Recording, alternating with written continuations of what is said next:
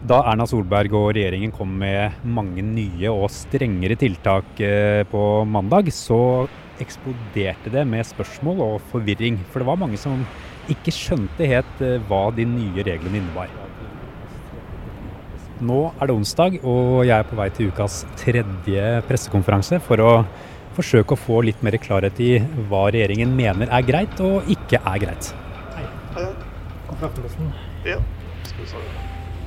Andreas.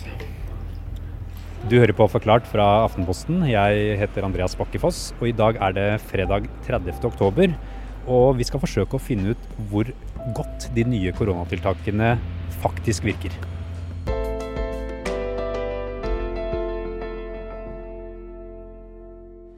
Kjære alle sammen. Denne høsten har eh, koronasmitten kommet som eh, høstmørke litt mer dag for dag.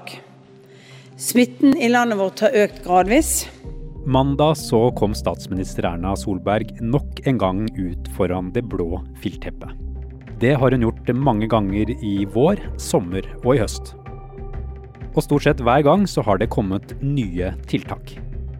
På mandag så kom det et eh, ganske overraskende trekk for å få ned smittetallene i Norge. Vi anbefaler at man i private hjem, hager og hytter som ikke har, at man ikke har mer enn fem gjester i tillegg til husstandsmedlemmer.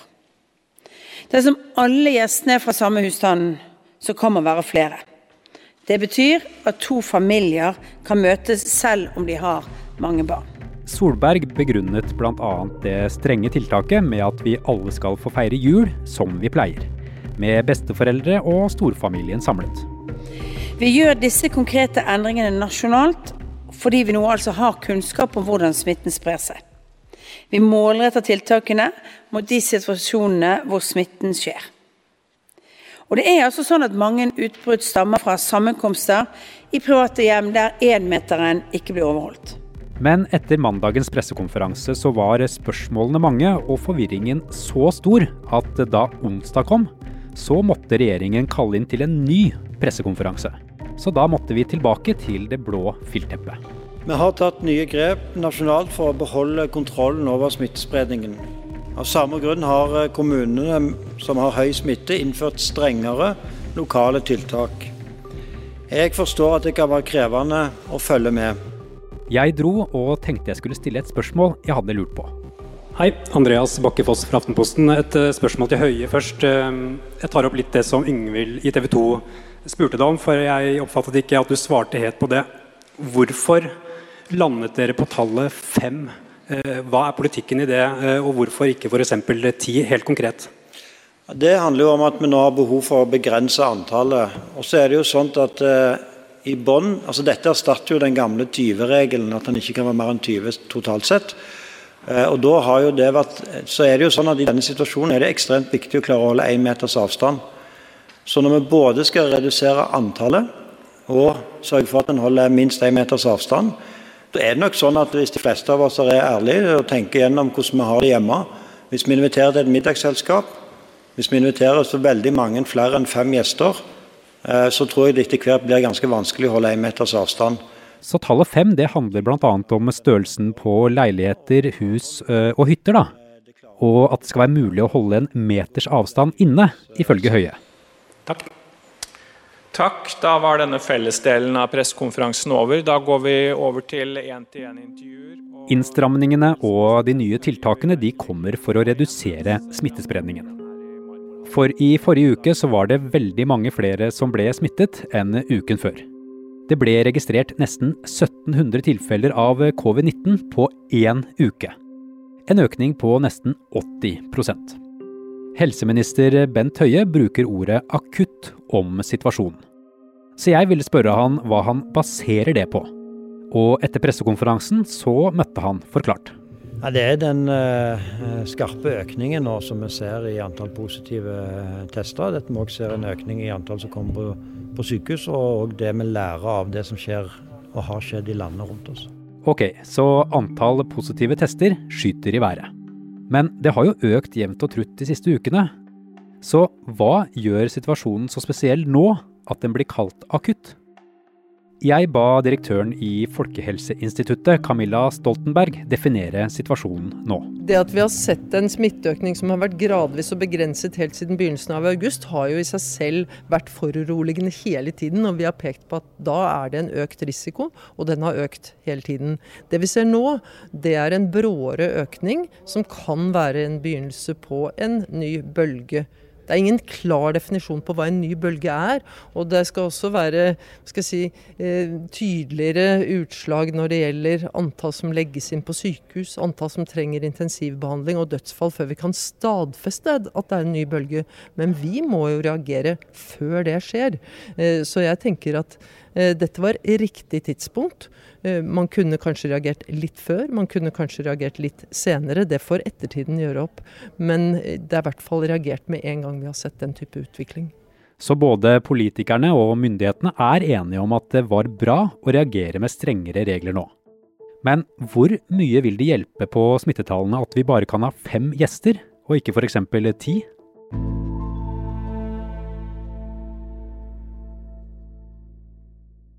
Men det er klart at det er egentlig et ganske enkelt uh, regnestykke, nemlig at uh, til færre mennesker til stede, til større er Eller til enklere er det å holde avstand. Og til mindre blir omfanget av personer som blir smitta hvis en er smitta. Så det både reduserer antallet som en risikerer å smitte, og det øker sannsynligheten for at ingen blir smitta. Så det vil virke? Så det vil virke. Det er ren logikk. Og for å forklare denne logikken, så har vi hentet inn kollega Per Anders Johansen.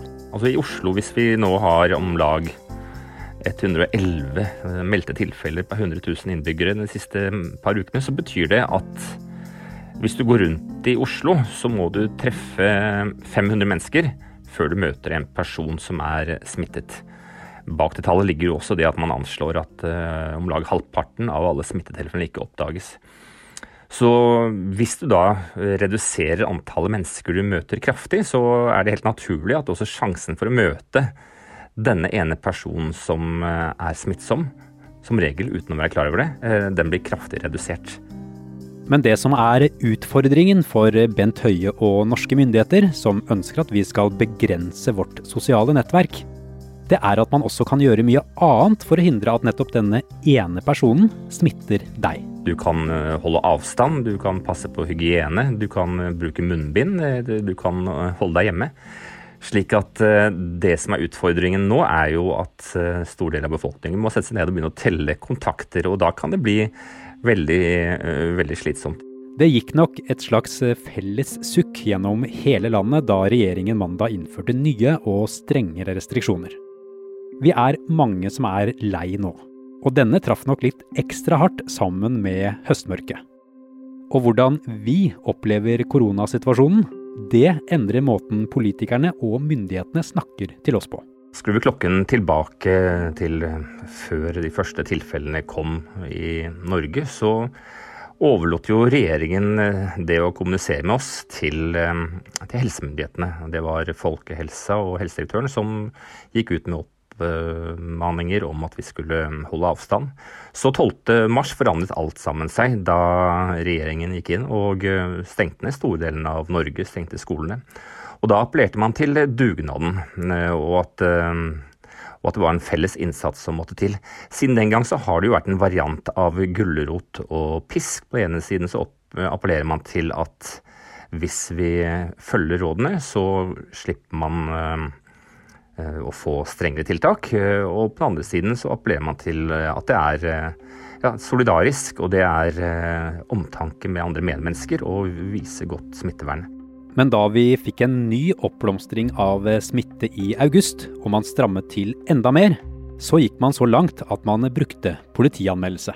Og vi merker da på målingene at det skjedde et eller annet.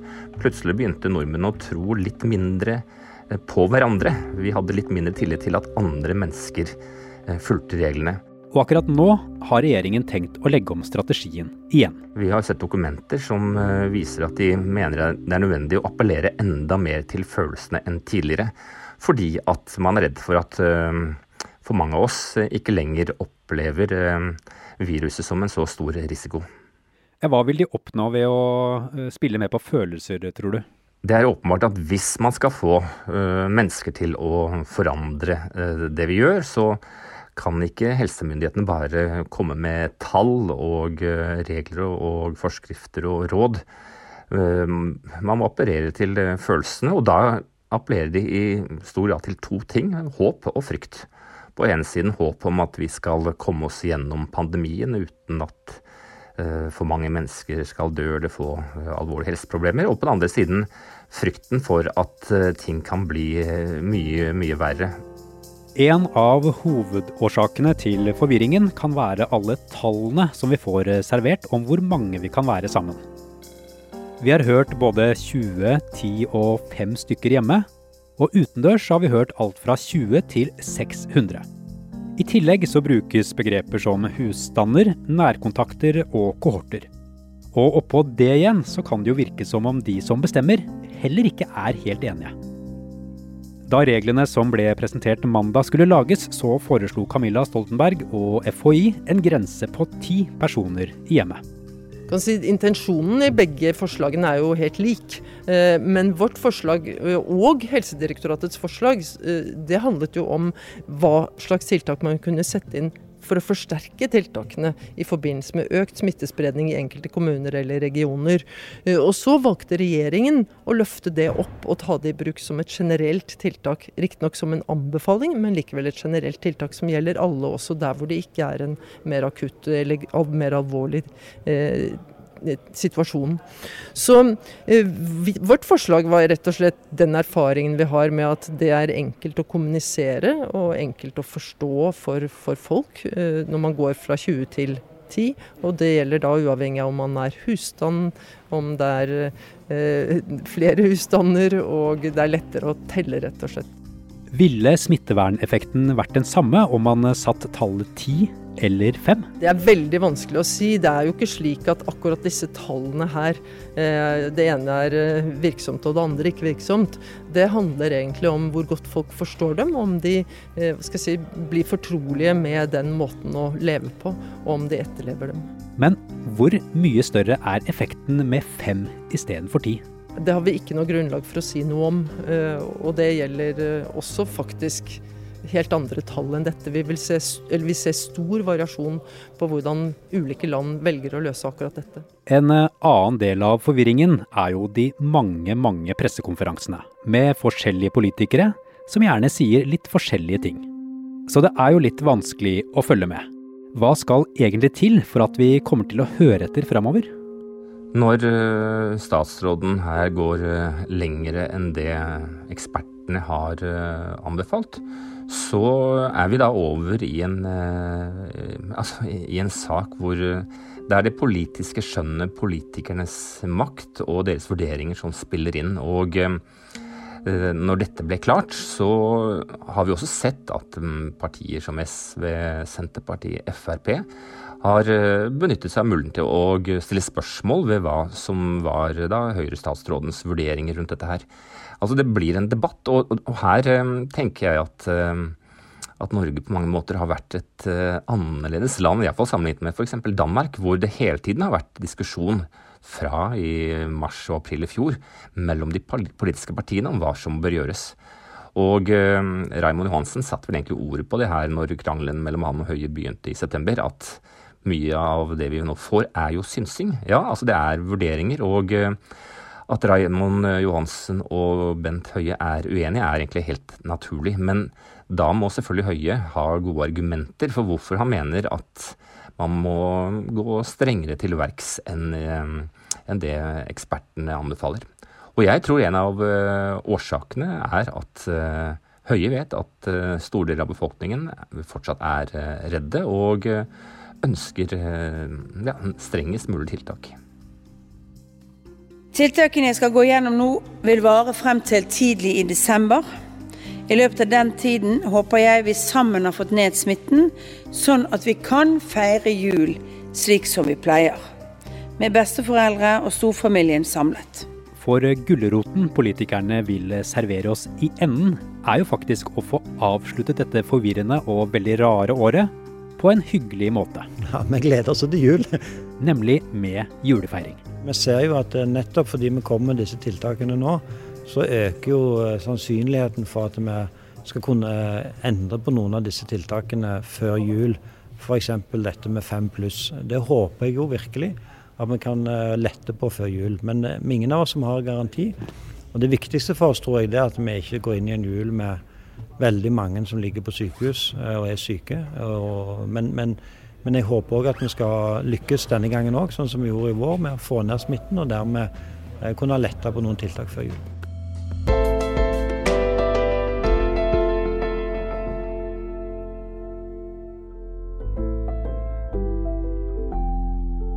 Denne episoden er laget av produsent Fride Næss Nonstad og meg, Andreas Bakke Foss. Resten av Forklart er Anne Lindholm, Marit Eriksdatter Gjelland og Karoline Fossland. I denne episoden har du hørt lyd fra regjeringens nett-TV.